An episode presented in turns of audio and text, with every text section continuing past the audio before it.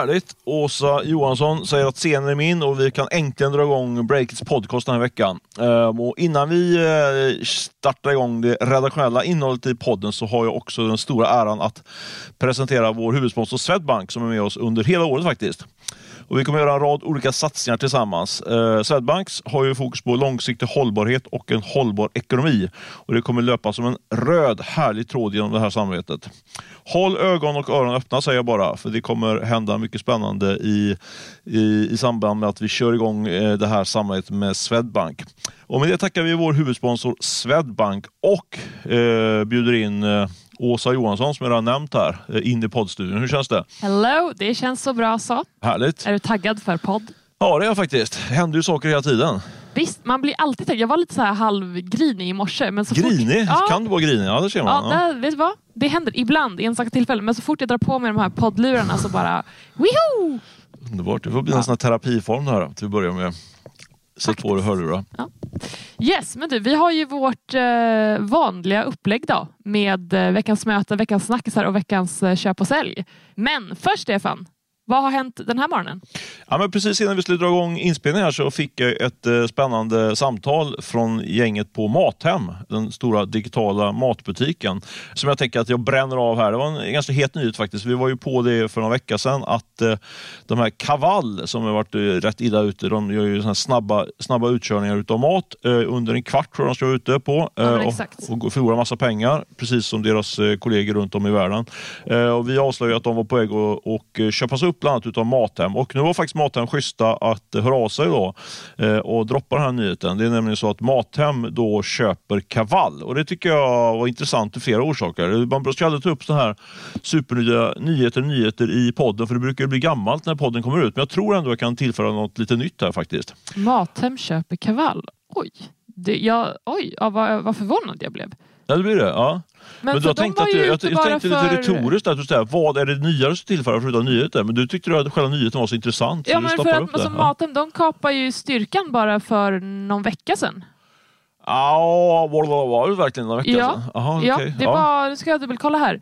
Det var den eh, eh, eh, eh, första mars 2023. Ja, Just tre det. veckor sedan då. Men det är ändå. Ja, men du vet, de har väl två, de, de försöker ha två tankar i huvudet samtidigt. Ja. De, har ju, de har ju en sån här snabb eh, utkörningsverksamhet sedan tidigare och så det finns ju ändå en rätt tydlig synergi där mellan Mathem och Kaval. Så jag tror att det, de kan spara in lite pengar på det.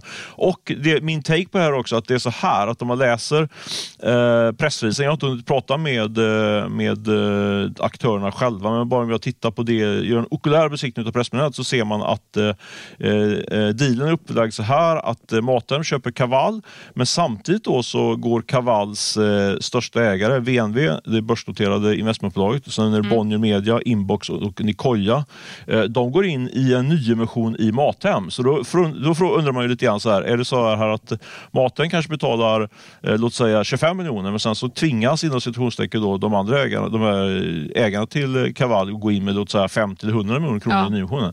Det där lär man ju kolla liksom. Eh, jag tror inte att i praktiken att man fick många kronor för Kaval då, som, var, som faktiskt enligt mina källor var på väg att gå konkurs om de inte hade löst den här, eh, den här transaktionen. Så eh, det var Stefans take på Kaval Aha, spännande. Du brukar ju ha örat mot rälsen. Har du någon mer spaning? Kan det bli någon liknande deal bland antingen om de käkar upp en, till bolag eller om det är något annat bolag som har ögonen på Nej, en men jag tror om man tittar på Mathem så tror jag att det man kommer se där är ju att de kommer på sikt gå ihop med eh, sin norska eh, kollega som heter Kol Kolonial, tror jag, sånt där, tror jag heter. Eh, för de har nämligen samma ägare. Kinnevik är stor ägare i Mathem och de är också ägare i, i det här Kolo, Koli, ja, någonting på K. Jag får, jag får kolla upp det. Men Ma- Mathems motsvarighet i, i Norge. För, eh, och så tror jag att man slår ihop dem och sen så kanske på något eh, par, tre års sikt så försöker man notera det här bolaget. Det är min spaning. Får se om jag får rätt. Det är ju bra att det ligger så långt fram i tiden så ingen, ingen, ingen kommer komma ihåg vad jag sa om detta. Men jag tror ändå Nej. att det ligger i... Jag har pratat Men- runt lite grann med folk kring det tror Om att det så. du har rätt, då kommer ju folk komma Ja, ihåg att det var du som sa det. Då kommer, eh, kom ihåg när du hörde det först. Alltid kul ändå tycker jag att dra lite breaking news i podden. Men nu ska vi dra igång med, med vårt lite mer traditionella koncept här med möte och, och Mm. snackis och allt vad det är för något. Du, jag tänkte du, du, du får börja eh, köra Yes. ditt möte. Ja, Vem men har du träffat? jag, eh, jag kör lite snabbt här då, för det Mm. var ett snabbt möte. Jag, jagade ingen mindre än Per Svärdson som är eh, grundare och VD av Apotea. E-handelsbranschens Zlatan tror jag han kallas för. Mm, exakt, så det tog några samtal innan han lyfte på luren. Men till slut så. Och då blir man ju glad. Eh, hur som helst, eh, Creades kom med rapport nu för några dagar sedan och i deras portfölj finns ju Apotea. Och det var ju väldigt intressant för där såg vi att Nu måste, nu, med risk, med risk då för att hylla mig själv för mycket så var det jag som läste den. Liggandes i min säng läste jag den. Klockan 20 22.30 upptäckte jag den här nyheten. faktiskt. Heja Jag vill ha cred, jag vill cred för att jag läser, Ja. jobbar dygnet runt. du avbryter mig för att credda dig själv. Mycket vilket bra. oskönt. Jag- Aj. Jag tyckte ändå det var en lite rolig anekdot på hur nyhetsarbetet går till på breaket. Ja, men ganska höra det här oskönt också. på, på vårt morgonmöte också. Ja, jag att vet. du inte kunde sova. Nej. Kör, Okej, förlåt. Yes, all right. Vinsten kapades i alla fall rejält eh, för Apotea förra året. Kan man säga att då, eller bör nämnas att omsättningen ökade något och uppgår till nästan 5 miljarder kronor. Det är ju en del pengar. Men nettoresultatet stannade på 18 miljoner kronor att jämföra med 105 miljoner kronor innan. Så det är ju lite skillnad. Lövtunn marginal, väldigt dålig marginal måste Mm. man säga. Och, eh, ja, jag fick ju då tag på Per Svärdson och han sa då att nej, men marknaden var helt enkelt trögare förra året än vad de hade trott. Dessutom så blev det mycket extra kostnader för bristande kapacitet på deras lager. Och då menar han att ja, har man för lite kapacitet så är det mycket som kan gå trögare och det kostar. Men såklart så passar han på att berätta om eh, de glada nyheterna också och det är att de, har, eh, de håller på att öka kapaciteten på sitt lager. Eh, och det här, de här har de ju jobbat med ganska länge men nu så börjar de nå målet här om jag har förstått det rätt. Och det innebär att de ökar kapaciteten, eller ökar kapaciteten dubbelt så mycket så att de kommer kunna hantera 100 000 paket om dagen på det här lagret. Vilket jag tycker låter helt insane. Ja, det är, det är en del, det är en del får man säga. Ja, men, intressant. Jag har två, två, två, eh, två skvallriga grejer kring eh, Apotea och deras konkurrent. Får jag dra dem innan jag drar mitt Ja, möte? berätta. Det skvallras om att Apotea är på väg att göra en större nyemission. Eh, Du, jag frågade om det. Ja, vad sa han då? Nej, Nej, sa han bara. icke. Ja, vi får väl se. Jag brukar ju köra lite Per Svärdson, men det var i alla fall det. Jag har ju hört att de ska börsnoteras också, vilket inte var sant heller. Så vi får väl se. Men det, det som jag tycker är intressant, kanske ännu mer intressant, det är ju deras konkurrent, lite mindre konkurrent, Meds. Som faktiskt skulle noteras, men drog tillbaka sin notering här i, i höstas på, med väldigt kort varsel.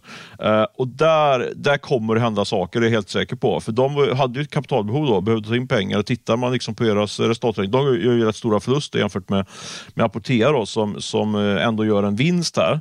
Eh, men man ser ändå att Apoteas vinst minskar. Då måste det vara ännu tuffare för Meds tror jag. Och eh, jag tror att de har liksom ett akut kapitalbehov nu. Så där kommer det hända någonting snart. Mm. Är, det något, är det någon här i, i, bland våra många tusentals poddlyssnare som vet någonting så dra gärna ett mejl till mig på stefan.breakit.se. Jag försöker att gräva lite grann i Meds-härvan. Spännande. Ja. Hör av er. Ditt möte då? Ja, men det var ett eh, spännande möte tycker jag. Jag pr- pratade med en eh, kvinna som du har en, en sak gemensamt med i alla fall. Len Sterner. Ja. Vad är det har du gemensamt med henne? ja, vi är väl flygare båda två va? Precis, ja. båda är pilot, har pilotcertifikat. Nej, men så här, jag fick, jag fick eh, tips om, eh, hon är ju vd för Kaja som eh, den väldigt kända Bianca Ingrosso har startat. Och numera- Pengamaskinen. Ja, verkligen. Och just apropå det, pengamaskin så fick jag tips om, om hur, hur bra det gick då under, under fjolåret. Och tipset var att de hade tjänat faktiskt 130 miljoner kronor i rörelseresultat. Så det var ju nyheten att de skulle göra, att Kaja då gör ett resultat på 130 miljoner kronor, vilket är en ökning med 15 procent, vilket var väldigt bra tyckte jag. Men för att koppla ihop det till mitt möte då, så Ja. ringde jag då Adrian för att, för att få eh, kolla den här nyheten med henne. Och eh, två spännande saker hände då i, i det samtalet. För det första, dagen innan hade jag pratat med eh, Instabil, den här last mile-aktören, och kring deras resultat som jag hade fått, re, fått via den rapporten som du läste, refererat till Creades. Ja. Men det var bara så intressant hur man agerar liksom utifrån hur, liksom, hur skitnödig man är kan man säga. Okej. Eh, för, Fredrik Hamilton och Alexis eh, Prefitsis, tror han heter, som driver då eh, Instabil, de bara så här, nej, kan inte kommentera. Ja, men det står i Creades kvartalsrapport, liksom. det, det det fram- framgår ju tydligt vad resultatet är. Liksom. Nej, vi får av, avvakta, kan inte säga någonting om verksamheten. Aha. Bla, bla, bla. Fast siffrorna var ute. Ja visst, vi Okej. hade ju siffror. Ja. Deras största Ja. ägare, hade, en av de största ägarna hade liksom eh, redovisat det. Då. Men då Madeleine Sterner, hon bara, ja det är väl ingen anledning att... Du, du verkar ha bra, bra källa på det där. Liksom. Ja men det stämmer. Typ så. Alltså, hon var helt avslappnad och berättade om verksamheten och sådär. Nice. Varför ja men det gillar man verkligen. Hatten av till Madeleine där. Men vad kunde hon säga mer om, om Kaja då, året som gått? Nej, men hon sa att eh, trots liksom att det varit, som hon beskrev det, kaos ute i världen liksom, så har Ja. de tuggat på bra. Liksom. Så de, har haft en bra, en bra utveckling. Otroligt. Ja, men sen sa hon en sak till som är kul. Hon sa att hon hade tänkt ringa mig faktiskt. För det är nämligen så här, och nyheten var att hon, hon har ju varit föräldraledig, eh, fått en liten son som nu är sex månader gammal och eh, hennes plan var att hon då skulle gå tillbaka som, som VD efter föräldraledigheten. Men hon sa till mig att eh, hon hade tänkt om kring det här och kommer istället vara eh, arbetande styrelseordförande på halvtid och istället så är det då hon som varit TF-VD, hon blir VD, Johanna Hamrén. Så det var en liten, en ganska bra nyhet faktiskt, man säga. Ja, som hon levererade. verkligen. Okej, så, att, så äh, lite recap då. Ja. Madeleine Sterner, hon började som VD på Kaja Cosmetics i var det början av förra året? Det låter rimligt. Och sen körde hon på fram till september. Augusti, september. Eller, Ja, augusti. Ja, Ja. du har nog rätt. Ja, men september där ish. Och då gick hon på föräldraledighet. Mm. Och nu skulle hon komma tillbaka typ nu kanske? Precis nu slår hon tillbaka. Men då väljer hon att kliva av. Exakt, hon Istället. insåg liksom att det här med att sitta med en sex månaders baby och amma samtidigt som man ska leda, ett, som hon sa, då, det är ett ganska ungt team på, på Kaja. Behöver, Man behöver vara mycket på, på plats. Liksom och sådär. Det funkar inte kände hon, då skulle hon liksom gå i väggen. Ja, nej, hälsan du- först. Ja. Absolut.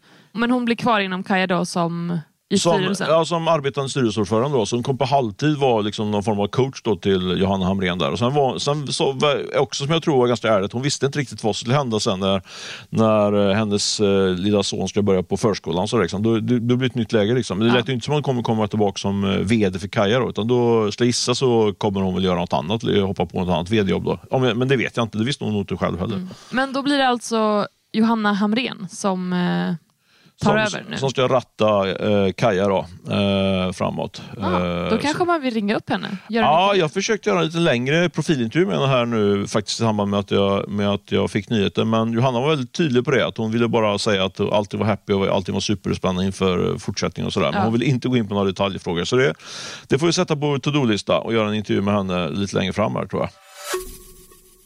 Så det var mitt möte, ändå ganska nyhetstunga möte och nu ska vi gå in på en annan eh, potentiellt riktigt tung världsnyhet. Eh, vi ska snacka om TikTok, din favoritapp. Alltså, jag har ju inte ens TikTok. Nej, du har inte ens TikTok. Så här, jag skaffade Instagram för två år sedan. Jag skaffade Spotify för lite drygt ett år sedan. Så Ja. jag är ju en reptil när det kommer till den här typen av appar. Du måste bli lite mer nyfiken på det, nya, det här nya som kallas för tech. Jag, till och med jag har ju, har ju TikTok. Techreporter som inte har några appar alls. hatar, hatar tech. Mycket bra.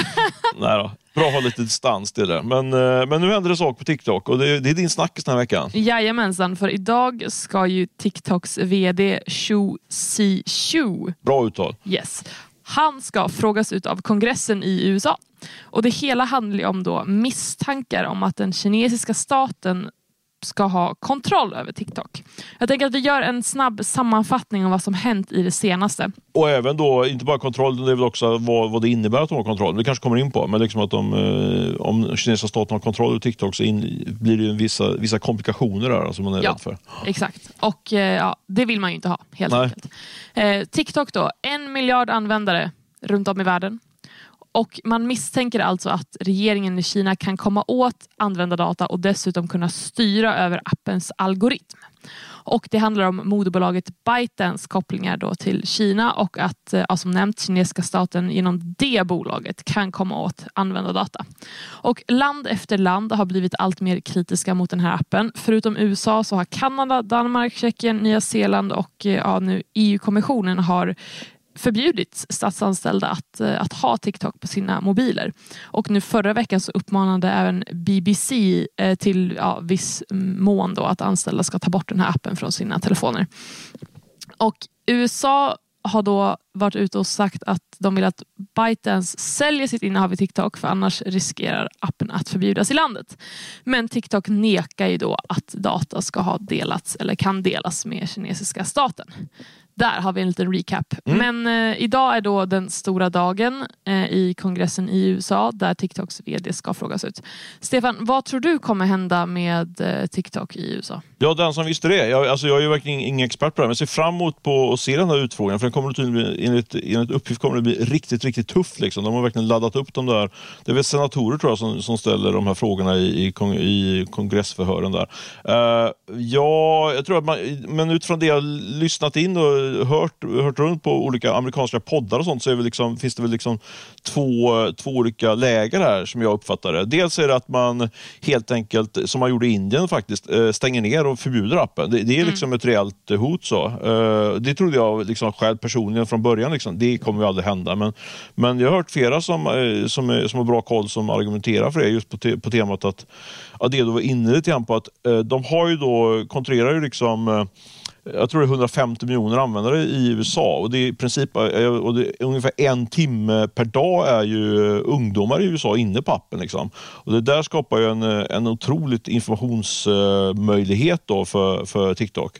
Man kan ju följa exakt vad alla människorna är men sen också kan man ju väldigt så här, eh, om man är lite konspiratoriskt, lägga in, man kan ju liksom styra vilken typ av budskap som, som de här, eh, ja, typ som alla amerikanska ungdomar får. Liksom. Mm. Då kan man ju liksom eh, in, eh, sagt sakta men säkert eh, påverka dem åt, ja. åt en viss riktning. Och det där tror, där tror flera av dem jag har lyssnat in på att uh, det kan göra att, liksom, att man helt enkelt helt sonika försöker stänga ner den där, förbjuder appen i, i USA. Det, det är liksom en reell möjlighet på grund av att det är som, så pass stor säkerhetsrisk liksom för för USA som nation. Men samtidigt om man lyssnar på det andra örat så är det ju liksom, ja, man kan tänka sig själv om man skulle stänga ner appen, vilket ramaskri det skulle bli bland alla de här ungdomarna runt om i USA. Eh, så det, frågan är om man, om man vågar det egentligen rent politiskt. Eh, man kan ju tänka sig att en sån, en sån figur som Donald Trump, som tidigare var den som försökte stänga ner TikTok, ja. han kanske bara helt bara vänder och säger klart vi ska ha kvar TikTok. Alltså, som ah. spelar på det här liksom rent eh, lite populistiskt. Då. Det är väldigt Absolut. populistiskt. Men alltså, så, säg, att, säg att man stänger ner den här appen då mm. helt och hållet. Det är massa människor som blir jätteirriterade och sura över det här. Jaha, so what? Alltså det, den stormen kommer ju blåsa över. Det finns ju mängder av andra appar. Det är inte så att de tar bort deras telefoner. Det är en app som försvinner och jag tänker att Ja, men alltså, jag, jag ser bara på mina barn. De älskar TikTok. Liksom. Så det, det, det ska man inte underskatta. Det är ju lite grann som de skulle ta bort uh det är som skulle Breakit i Sverige, hela textvärlden. Alltså man, det, jag tror att det är liksom fundamentalt för mångas... Eh, om man lägger en timme per dag på någonting, liksom så här, det, det ska man inte underskatta. Nej, absolut. Men jag kraften, tänker liksom. att det är inte... Alltså, men du förstår vad jag menar. Det är så här, visst, det är klart man blir sur, det är klart att, att det skulle vara protester och så vidare. Men det är också så här att det kan ju ersättas med någonting annat. Mm. Vad det nu än skulle vara. Mm. Men också intressant. Säg då att, att eh, TikTok sparkas ut från USA. Kommer andra länder i väst då följa efter och göra likadant? Mm. Det, alltså, och det, det, är också så här, det vet man ju inte heller. Men faktiskt, som av en händelse så träffade jag Liv Sandberg nu tidigare i veckan. Hon är ju VD för TikTok i Norden och eh, Centraleuropa. Mm, och, eh, exklusivt. Har, har du skrivit artikeln än? Det har du inte gjort va? Den är på G, den kommer helgen. Ja, spännande. Yes. Bra timing där får man säga. Väldigt, väldigt bra timing. Eh, och eh, dels så pratar vi mycket om, om hur hon har byggt upp verksamheten i Sverige men såklart också går det ju inte att undvika att prata om den situationen som TikTok befinner sig i nu. Eh, och hon säger såklart att ja, hon tycker att det är väldigt olyckligt. Hon säger att många av de här besluten som länder har tagit då att, att inte använda TikTok för, ja, men in, inom parlament och så vidare. De grundar sig på missförstånd helt mm. enkelt menar hon. Såklart. Och, ja, och hon säger att hon tycker att det känns som att TikTok har blivit en slagpåse i de politiska spänningarna mellan öst och väst. Okay. Men hon nämnde ju då okay, att, att det grundar sig på ett missförstånd. Vad är det då för missförstånd? Kan man ja, nu är jag lite sugen på Du brukar ha en ganska kritisk approach på folk här. Eh, det, det, känns li, vill du ändå höra, vad tycker du efter det här mötet? Du, du har träffat då VD för TikTok Norden hon säger allting är bara ett missförstånd, hon förstår ingenting vi är jättesnälla. Eh, vad tycker du? Liksom, vad, vad, stämmer det här hon säger? Eller vad, vad är din analys av, det, av de svaren du fick? Ja, men så här. För hon säger att det är ett missförstånd. Okej, men vad är det då för missförstånd? Då tycker jag att då behöver man kunna svara på den frågan. Men svaret på den frågan var att ja, men det politiska klimatet i världen har förändrats drastiskt. Vi lever i en värld där de här spänningarna är påtagliga. TikTok har blivit en slagpåse och så vidare. Mer än så kunde hon inte förklara. Mm. Och där tycker jag ändå att varför inte förklara mer för att förstå vad det är de menar? För om man säger att det blivit ett missförstånd, ja, men vad, vad är det för missförstånd? Liksom, om man säger att man kan förklara det, då tänker man okej, okay, då hoppas vi att deras VD kan förklara det i kongressen i sådana fall. För du kan inte påstå att, att det har blivit missförstånd men sen inte berätta vad det är. Missförstånd. Alltså man, man, hör, man, man, man snubblar bara runt i sitt eget huvud här och förstår inte någonting av det, vad som händer. Så jag, Samtidigt, samtidigt kan jag tänka till Liv Sandbergs försvar, då, jag, det måste vara rätt jobbigt att vara VD för TikTok i Norden. Man har, man har inte sån, någon jättestark... Alltså, man, man har ju hört om hur det är att vara eh, VD i ett eh, lite, eller, så här, mellanchef till amerikanskt bolag. Man vågar inte säga någonting. Liksom. Jag kan tänka mig det upphöjt till 10 i, i Kina. Liksom. ja, ja, nej, nej, Så- alltså det är förståeligt. Hon Man kan ju fattar inte liksom. säga mer än så här. Nej, Det, det precis. fattar man ju också. Men jag tycker ändå att man kunde sagt någonting mer. För Ja. att det här gav noll svar. Liksom, det, det är ett helt och hållet tomt citat, vilket bäddar ännu mer för att man ska bli ännu mer kritisk. Men du, det spekuleras ju om att eh, jag såg någon artikel här på, på Bloomberg som jag satt en prenumeration här på morgonen. Eh, reklam till Bloomberg. Ja. Jag läste då stod det, det fanns det bland, de har ju extremt bra källor i, i den amerikanska administrationen och så. Där stod det att eh, för ett par dagar sedan så kom det uppgifter om att eh, Biden och company ville liksom att ByteDance skulle sälja TikTok helt enkelt. Så, de skulle liksom, så att ägandet i TikTok blir, blir mer rent och cleant och bort från, från den kinesiska staten. Liksom. Eh, vad tror du utifrån att du ändå har gjort en intervju med Liv Sandberg och grävt lite grann i det här? Är det, så, är det liksom utgången av det här att vi, vi kommer få se en försäljning av TikTok? Alltså, det, det, det beror på hur viktig USA är för TikTok. Och vad sa vi, 150 miljoner användare. De har 150 miljoner användare i Europa också. Men med det sagt, ja, kommer de sälja? Ja, kanske. Kanske. Ja. Jag säger att de kommer sälja för att du ska få ett tydligt svar. Och då är det såklart amerikanska aktörer som ska köpa upp det Ja, precis. Det, där passar jag faktiskt. Jag måste gräva mer i det. Men eh, spännande att följa det helt enkelt. Jag tror det känns, det känns som man på ett sätt följer det här lite bättre från, i alla fall jag, om jag pratar för mig personligen, från, eh, från eh, åskådarplats. Så att säga. Men det ska bli kul att lyssna in på den där intervjun med Xu Zi Shuv. All right, eh, över till nästa snackis då. Du Stefan tror att du har hittat nästa krisbransch. Eh, det ska du snart få utveckla, men du vill börja i en liten annan ände, eller hur? Ja, men absolut, jag vill inte missa möjligheten att lyfta kanske vårens, en av vårens viktigaste kartläggningar. Du gjorde ju en av dem också med, med de, de hetaste kvinnliga eh, styrelseledamot mot mötena, motorna säger man. Ja. Eh, en av de mest lästa i Breaks historia. Men nu är det så att vi eh, släppt iväg en ny eh, kartläggning här nu på morgonen som vår kollega Emil, Widhagen har gjort. Eh, Det är en stor kartläggning utav Sveriges hetaste affärsänglar. Han har hittat inte mindre än 199 stycken och jag tror att den kommer att adderas till. Och eh, Du sa just att det skulle börja en annan ände. Jag tänker, min, min take liksom för att komma in på den här krisbranschen är liksom att där verkar det inte vara någon jättekris bland affärsänglar. Vi har liksom, eh, eh, lagt ner ganska mycket tid men ändå lyckats hitta nästan 200 stycken och jag tror det kommer dyka upp mer. Och Det är ju rika gubbor och gummor framförallt då som är intresserade av att investera i, i tech, vilket är väldigt eh, positivt. Trots Oh ja. den här liksom, eh, nedgången vi har haft på, i, i techsegment så finns det väldigt mycket pengar där på sidlinjen som vill trycka in pengar i den. Men eh, ja, krisbransch då. Däremot tror jag att det är eh, eh den branschen som kanske varit den mest välmående branschen eh, fram tills eh, kanske idag. Då. Eh, alltså det som vi kallar för VC-branschen, alltså venture capital-investerare, riskkapitalbolag, eh, mer strukturerade fonder och sånt som investerar i tech-segmentet. Den börjar jag, börjar jag skulle jag resa liksom en, en varningens finger. Jag tror att där kan det bli Jaså? nästa kris. På vilket sätt då? Ja, men alltså det kommit en rad, eh, eh, bara senaste veckan, ett antal eh, skulle jag säga, oroande signaler som, eh, som leder fram till den här eh, krisvarningen från Stefan Lundells sida. Och då undrar du såklart, vilka signaler? Såklart jag gör. Ja, eh, det är, jag läste en undersökning från ett, ett bolag som heter CB Insight som har väldigt bra koll på statistik i VC-branschen. Eh, tre saker. För det första så kan man se att värderingarna eh, 2022 jämfört med eh, 2020 i eh, den här typen av techinvesteringar, onoterade techbolag, om man tittar då globalt. Eh, värderingarna har faktiskt gått upp med 20 procent. Alltså upp 20 procent eh, samtidigt som vi har haft liksom en krasch på börsen när det gäller techbolag. Eh, det indikerar att det finns en gigantisk fallhöjd i den här typen av onoterade bolag. Ja. Det är första datapunkten. Den andra datapunkten är att jag snappade upp en väldigt eh, anmärkningsvärd eh, uppgift i eh, Silicon Valley Banks eh, senaste kvartalsrapport i Q4. Den brukar inte jag, jag läsa dagligdags, så att säga, men det har ju blivit väldigt, väldigt mycket fokus på... Inte när du har svårt att sova på kvällen. Nej, det skulle det kanske vara. Då somnar jag bra. Men eh, hade jag läst den här grejen gäller. då så hade jag reagerat. För, nej, men det, har, det har florerat i rapporteringen kring Silicon Valley Bank att eh, de i sin Q4-rapport skrev då att de noterar att liksom deras kunder, vilket är techbolagen, de bränner pengar som aldrig förr. Alltså två gånger eh, mer jämfört med hur mycket pengar de brände 2021. Alltså, det saknas fortfarande rejäl sjukdomsinsikt bland eh, techbolagen.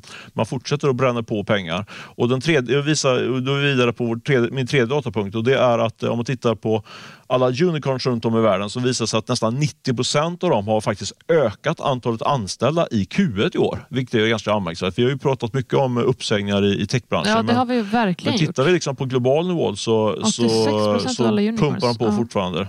Oj. Så det, ja. Du, intressanta punkter här. Men vad drar du för slutsatser? Ja, men jag, jag tänker ju så här att det, eh, det kommer bli mycket värre innan det blir bättre och då framförallt i, i techsektorn, alltså i, i de bolag som vi bevakar. Och vilka äger då techbolagen? Jo, det är ju de här VC-firmorna framförallt, eh, alltså som investerar i techbolagen. Eh, och eh, därför tror jag att vi, de står inför en annalkande kris. För det som sker just nu, nu är att de har, har väldigt svårt att sälja eh, sin innehav till, till de eh, värderingar som de har köpt in bolagen på. Så de, de sitter med, med större och större portföljer som de, som de, och de har svårt att få in cash helt enkelt. Eh, och samtidigt har de byggt upp väldigt stora organisationer, eh, alltså rent personellt. Då. Eh, och det, här, det här är ju killar och tjejer som inte är jättebilliga i drift, så att säga. de har ju väldigt höga löner. Så det, det, det bränner ju på väldigt mycket pengar. Och sen eh, det, det som fick mig, och just jag vill eh, vara tydlig med och ge rejäl cred till varför jag ändå lyfter det här som en snackis. Det är att en person som har en eh, mycket bättre förmåga än mig att hitta snackisar eh, har lyft det här i en tweet. Som, han heter Mattias Miksche. Vet du, du känner till honom? Eh, ish, nja, berätta. Vem är denna? Ja, men han, var fakt- han hade en liten eh, biroll, inte han då, men eh, han, spelade, han eh, porträtterades i, i den här Spotify Netflix-dokumentären. Ah, playlist. Exakt. Eh, kort var han där. För det så att det, han, var, han, eh, jobb, han drev ett bolag som heter Stardial där Daniel Ek jobbade. Ah, och det var där ja, han, ja, han visst. tröttnade ganska mycket på det där tror jag och eh, skulle dra vidare men, eh, i den här filmen. Då. Men så dels, det är lite hans claim to fame att han, har, han hade anställt eh, Daniel Ek. Han drev det här Stardial som, som ett tag var väldigt, väldigt hett. Och sen så var också faktiskt en lite rolig notering. Det här är en utvikning men jag tycker ändå det var värt... Eh, men jag såg det i en liten fotnot någonstans. Att det var Mattias Miksche som eh, kopplar ihop eh, Sequoia, det superheta eller techinvesteraren i USA, med eh, Sebastian Sebekowski och Klarna. Så han var liksom orsaken till att Sequoia kom in i Klarna. Typ. Det var, det var så det beskrevs i alla fall. Men i alla fall, en tungviktare. Och Mattias då eh, lyfte i en tweet. Jag ringde honom också. Jag kommer träffa honom i eftermiddag tyvärr, så jag har inte hunnit få, få kontakt med honom. Men hans poäng är så här. att, eh, att han ska gå på vårt event faktiskt i eftermiddag, Funding Day. Alla går på Funding Day, eh, som är eh, vårt nya heta event. Han slog fast i en tweet, shit vad jag bara ballar ur här hela vägen. Kör på. Att eh, just att det som jag säger då, att VC-fonder kommer börja sparka personal. Eh, han skriver i tweeten att eh, liksom, hur ska man ha råd att betala då 10-15 partners som får väldigt höga löner plus massa admin. Eh, och samtidigt då så görs det inga deals i princip. Han hårdvinklar lite grann, men det görs väldigt få deals. Alltså, det innebär att då får man inte in, in, pengar på kontot. Och sen så blir också fonderna mindre och mindre. Okej, så du och då eh, Mattias spår tuffa sparpaket och uppsägningar på en massa VC-firmor. Är det korrekt? Det är korrekt om man tittar på global nivå. Däremot är jag lite osäker, mer osäker i min spaning om det här gäller även på svenska marknaden. För de svenska, svenska VC-fonderna ligger eh, lite bättre till faktiskt. De hade eh, grymt bra timing. De fick in jättestora fonder precis innan krisen slog till här nu för ett år sedan drygt. Så de har en massa pengar i, i kassan. Eh, så jag, så att, eh, på det sättet är det bra, men det som är risken för dem det är väl att de sitter, att pengarna bränner lite för mycket i, i fickan så att säga. För de måste ju ändå sätta eh, pengarna i arbete för det är på det sättet de eh, får in sina avgifter och i slutändan kanske även sälja bolag med framgång. Så jag tror att, eh, jag tror att man är lite stressad på, på svenska VC-firmor men kanske inte lika stressad som man är i Silicon Valley. Så, men jag är lite förvånad om det även här kommer få se att det tajtas till och blir en del uppsägningar även i, i, på den svenska VC-scenen. Mm, ja, okej. Ehm, dystert. Dystert men spännande. Dystert men spännande. Ja, Som världen ser ut just nu. precis. Alltid, alltid något nytt att, att, att följa. Ska vi gå, rulla in på eh, köp och sälj? Ja, men det tycker jag. Vill du att jag ska börja? Nej, jag vill börja. Bra. Här, okej nu. nu ska vi se. Jag börjar med min köp. Ja, Se vad jag ska sätta för rubrik på den här. Men du nämnde ju tidigare att eh, tillsammans med eh, vår kollega Julia Lundin så har jag gjort en lista som publicerades den eh, 8 mars Och där gjorde vi en lista med 86 stycken styrelsestjärnor och eh, eh, uppstickare att hålla ögonen på. Och det som var så häftigt med det här, kvinnor ska jag säga att det var. Eh, det var 86, på internationella kvinnodagen också. Precis, 86 alltså. styrelsekvinnor. Eh, och såklart vill vi ha tips på fler och de här tipsen har regnat in. Så vi mm. gav er 86 stycken namn och ni som eh, läser Breakit gav oss tips på 65 stycken till. Så vi uppdaterade den här listan igår. Helt otroligt, för det är inte liksom bara att det är 65 random namn utan det är verkligen 65 riktigt bra, bra personer som är, som är uh, potentiella uh, styrelse styrelseledamöter i många tunga bolag, eller hur? Exakt, så nu är det hela 151 otroliga namn på den här listan. Och vad jag vill sätta köp på är då att, eh, att alltså våra läsare är så engagerade och hör av sig och eh, det blir ännu roligare att jobba helt enkelt. Så ja, men nästan köp på våra läsare. Ja, verkligen. Ja, det tycker jag. Det tycker köp jag. på Breakers läsare. Och även köp på själva rapporten. Det har ju rasat in eh, folk som vill köpa premium tack vare den här. Så det gillar vi. Ja, det, det gillar jag vi. som ägare. Verkligen. Härligt Bra jobbat Åsa. Tack. Ska jag rulla på min, min köp då, när vi ändå är köptagen här? Ja, eh, köp, då köp, tänkte köp. jag eh, dunka iväg en liten nyhet till här. Eh, det är nämligen så att Konrad Bergström, känner du till honom? Nej, vem är Konrad Bergström? Ja, men han är ju eh, grundare av Sound Industry som säljer de här eh, hörlurarna och han har ju sålt av där nu eh, till en annan gammal poddbekanting, Tommy Jakobsson. Det var ett bra tag sedan han gjorde det. Men sen mm. har han ju dragit igång X-Shore eh, som gör, eh, gör de här elbåtarna. Uh, och jag skrev en nyhet i veckan där att de är på väg och håller på att plocka in nytt kapital och då tvingas de uh, sänka värderingen med ungefär 60 procent. Men Oj. Konrad, han är en köp. Slakt. Och, ja, får man säga. Men Konrad är en, en köp och även vinnare den här veckan. För han, jag, när jag läste, grävde de där dokumenten kring, kring den här nyemissionen, så då såg jag att i den förra nyemissionen som gjordes för ett år sedan, då, alltså när värderingen var 60 procent högre, eller hur man nu räknar det procentuellt, men betydligt högre i alla fall. Ja. Uh, då passade han på och sälja aktier för 50 miljoner kronor. Det är pengar det med. Ching. Ja, verkligen. Så det är bara att gratulera Konrad till en bra timing på, på försäljningen. Det var min veckans köp på Konrad Bergström. Köp på Konrad. All right. Då går jag in på veckans sälj som kommer att bli en köp. Mm -hmm. Och här är varför. Eh, förra året så började konkurserna dugga ganska tätt och det har fortsatt in även i år och nu senast ut i vår sfär är ett bolag som heter Skåneflyg. Ett flygbolag alltså. Inte nödvändigtvis Breakit, men det är Henrik Persson Ekdal som gick mot strömmen och satsade på linjeflyg från då skånska Kristianstad. Så jag rätt nu? Ja, Kristianstad, precis. Ja. Förra gången det är min systerbo också. eh, från Kristianstad till Bromma, Stockholm i alla fall. Och Henrik Persson eh. Vem är det då? Varför plockar vi på honom? Jo, men han är ju en eh, riktig profil i våra kretsar, investerare eh, bland annat. Och han drog igång det här bolaget eh, med eh, några andra stycken personer som heter Jakob Karlsson som man känner till från K-fastigheter. Eh, Fredrik Rosengren, han eh, håller på med eh, Maxi stormarknad i Kristianstad och en person som heter Karl-Henrik Dahlqvist. Kristianstad golfbana har vi skrivit där på honom. Hur som helst, nu har det här bolaget då, som drog igång 2021 eh, fått lägga ner helt enkelt. Inte helt otippat. Det var mitt, i, mitt i pandemin. Jag kom när nyheten kom tänkte vad är detta för något? Det var, det var en kul nyhet men det kändes ju lite dödsdömt från början. Det tycker jag också. Men å andra sidan, sitter man på många miljoner och känner att nu ska jag göra någonting galet så är det här ett riktigt bra kort att spela. Ja. Eh, men jag vill ändå säga så här. Alltså det är så många som går i konkurs nu men jag vill ändå sätta köp på alla de här entreprenörerna som har dragit igång och kämpar hela vägen in i kaklet fast det liksom inte flyger. Så jag säger heja alla entreprenörer som ja, vågar köra. Och eh, konkurs innebär väl endast att man lär sig någonting nytt. Det drabbar ingen fattig heller. Henrik Persson att ha så, så det räcker tror jag. Uh, kul satsning som inte höll hela vägen. Det hade jag faktiskt kunnat utnyttja och kunnat flyga ner till min, min syster nere i Kristianstad. Men det kan jag inte längre då. Uh, jag får använda mig av ett annat flygbolag.